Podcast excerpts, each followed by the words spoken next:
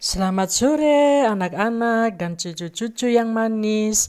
Oma sangat senang dapat berjumpa lagi dengan kalian melalui siaran Anchor ini.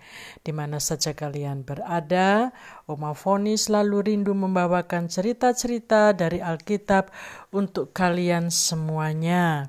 Dan Oma harap kalian sehat-sehat selalu ya. Baik sebelum mendengarkan firman Tuhan atau cerita yang terambil dari Alkitab ini, uh, kita sama-sama berdoa ya. Yuk, kita masuk dalam doa.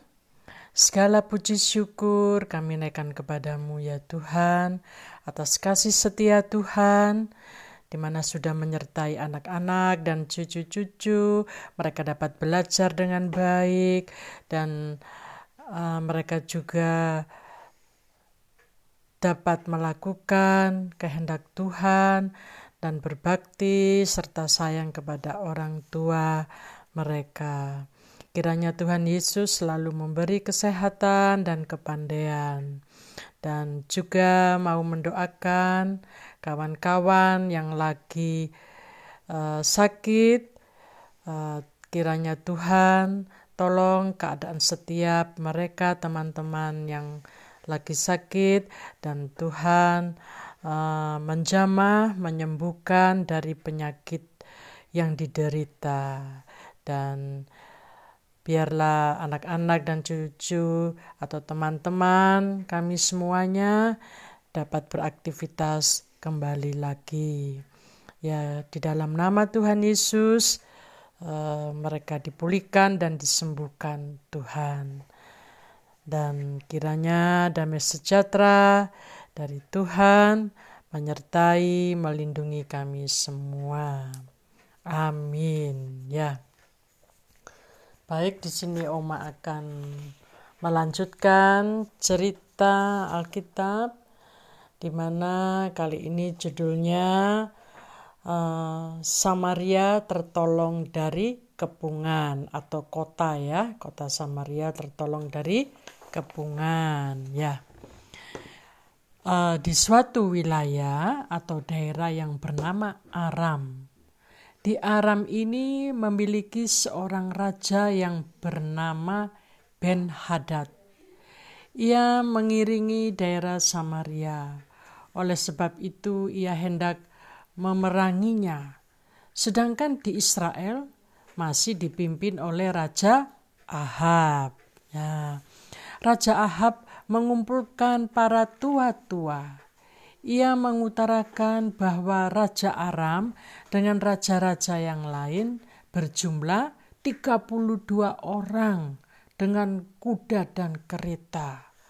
Mereka akan mengambil hak milikku semuanya yaitu kekayaan-kekayaan. Ah, para para tua itu berkata, "Jangan serahkan dan jangan dengarkan dia." Nah, sedangkan di tempat lain Raja Ben Hadad sedang minum-minum dengan raja-raja yang lain di pondok. Nah, ini pun didengar oleh Raja Ahab. Nah, tetapi tiba-tiba muncullah seorang nabi bertemu dengan Raja Ahab katanya, Tuhan akan membelamu dan akan menyerahkan mereka ke dalam tanganmu, supaya engkau tahu bahwa aku adalah Tuhan. Akhirnya Ahab ada kekuatan sebab ia sudah tahu bahwa Tuhan akan membela dia. Lalu dikumpulkannya ada 232 kepala kepala daerah dan 7000 orang Israel. Pergilah rombongan Raja Ahab ya Ahab ke pondok Raja Ben Hadad pada tengah hari. Wah, ya mereka berkumpul ya tadi yang berjumlah uh, orang-orang Israel ada berapa anak-anak dan cucu? 7000 orang Israel. Sedangkan kepala-kepala daerah ada 232. Wah ya. Mereka rombongan pergi menuju ke eh, pondok ya di mana Raja Ben Hadad ada di situ ya. Nah, waktu mereka pergi ini apa uh, anak-anak dan cucu-cucu bukan malam hari ya pada tengah hari ya. Uh, sedangkan raja uh, Ben Hadad ini wah mereka lagi pesta pora ya karena mereka pikir nanti pasti mereka akan menang ya karena mereka merasa kuat ya dengan pasukan mereka ya tapi mereka semua salah perhitungan. Sebab apa? Sebab Tuhan sendiri yang menolong Raja Ahab tadi ya, sehingga Raja Ahab ada kekuatan lagi ya, dia tidak gentar ya. Akhirnya rombongan ini menuju ke uh, pondok Raja Ben Hadad. Lah, di situ langsung mereka menyerang ya. Uh, rombongan Raja Ahab ini menyerang uh, Raja Ben Hadad. Tetapi ya Ben Hadad ini bisa meluputkan diri bersama beberapa orang berkuda. Setelah selesai berperang, tampaklah Nabi kepada ra ini Raja Ahab ini ya. Uh, tentunya kalian tahu ya Raja Ahab ini adalah raja orang Israel itu ya. Akhirnya Nabi ini bertemu lagi dan berkata, baiklah, uh, kuatkanlah hatimu, pertimbangkan dan pikirkanlah apa yang harus kau perbuat sebab pada pergantian tahun Raja Aram akan maju menyerang engkau. Nah, ini terdapat dari kitab satu Raja pasal 20 ayat 22 ya. Nah, di sini uh, seorang nabi ini menguatkan Raja Ahab ya. Jadi dengan adanya Raja Ben Hadad itu bisa melarikan diri atau meluputkan diri ya dengan beberapa orang yang berkuda uh, supaya Raja Ahab ini tidak merasa kecewa ya. Makanya itu uh, seorang nabi yang disuruh Tuhan ini berkata kepada Raja Ahab menguatkan uh, hatinya ya uh, supaya dia tidak gentar ya ya uh, begitupun juga uh, Raja Ben Hadad ya atau Ben Hadad ini masih memperhitungkan untuk menyerang Israel. Nah, Israel pun sudah siap dengan pasukan-pasukan mereka ya. Jadi memang uh, orang Israel itu selalu siap siaga ya anak-anak dan cucu. Sekalipun mereka berkemah di satu tempat ya di mana kemah mereka ini uh, apa selalu waspada. Lah ini kebetulan kemah kemah yang mereka dirikan itu berhadapan dengan kemah-kemah Raja Ben Hadad Nah, jadi wow, tentu kalau sudah berhadapan itu wah, pasti dengan mudah ya saling uh, memerangi ya satu dengan yang lain ya. Uh, tapi di sini uh, mereka bertahan, tidak mau saling menyerang ya. Dan semuanya mereka ada uh, perhitungan ya dari tiap-tiap raja, baik Raja Ben Hadad maupun Raja uh, Ahab, ya. Lah, uh, biasanya kalau sudah kemahnya ini berhadapan-hadapan, wah, oh, ndak tunggu lama lagi ya anak-anak dan cucu karena uh, musuh sudah di depan ya, tinggal diserang aja. Tapi mereka lainnya. Begitu pada hari yang ketujuh pertempuran dimulai. Nah, pas hari yang ketujuh uh, mereka siap ya pertempuran dimulai.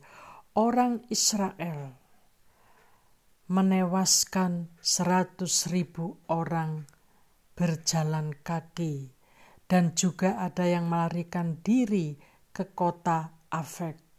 Tetapi temboknya roboh menimpa 27 ribu orang.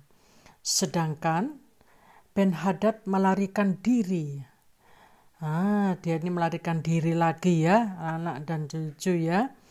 Dia sudah merasa kalah lalu mengambil hati Raja Ahab dengan berpakaian berkabung. Nah, ini salah satu uh, apa cara liciknya ya. Dia sudah merasa kalah, uh, malah dia lari, tapi dia kembali dengan berpakaian berkabung ya supaya uh, Raja Ahab ini berbelas asih kepadanya ya.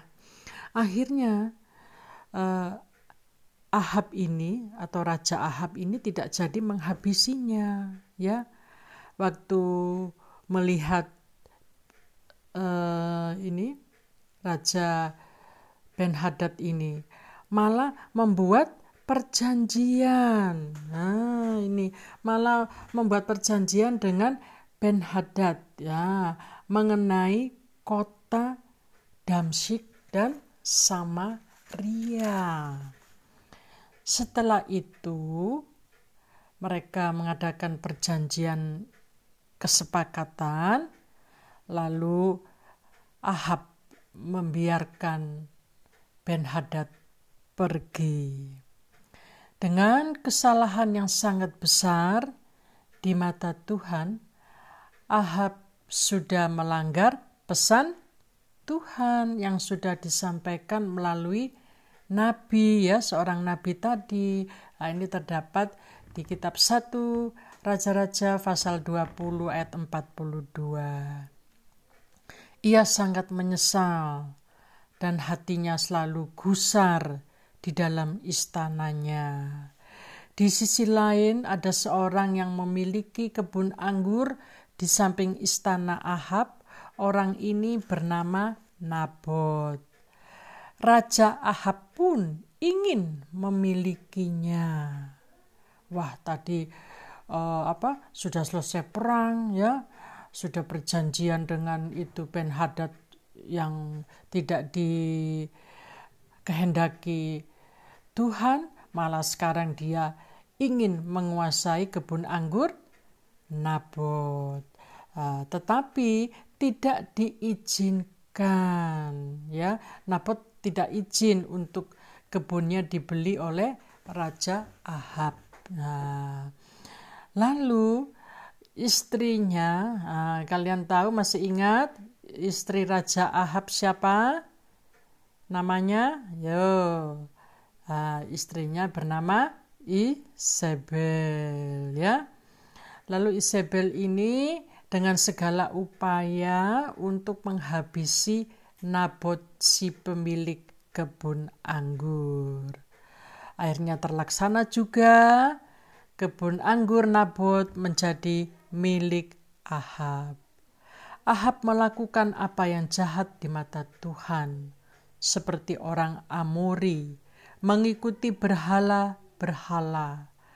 Dan firman Tuhan Eh, berkata, "Aku akan memperlakukan sama seperti keluarga Yerobeam dan keluarga Baisa, karena engkau mengakibatkan orang Israel berbuat dosa lagi."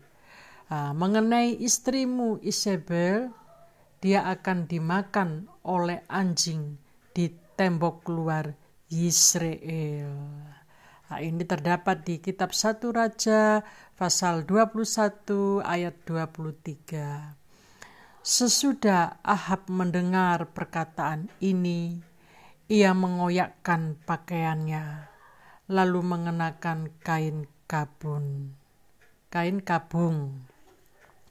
Tuhan melihat apa yang dilakukan oleh Ahab, bahwa ia sudah merendahkan diri di hadapan Tuhan. Maka Tuhan berkata kepada Nabi Elia bahwa Tuhan tidak akan mendatangkan malapetaka dalam zamannya. Pada zaman anaknya, aku atau Tuhan akan mendatangkan malapetaka atas keluarganya. Ya, demikianlah cerita dari Oma untuk anak-anak serta cucu-cucu semuanya. Lain waktu ada kesempatan, pasti Oma sambung lagi ya ceritanya. Jangan lupa berdoa dan harus rajin belajar. Tuhan Yesus memberkati kalian semua.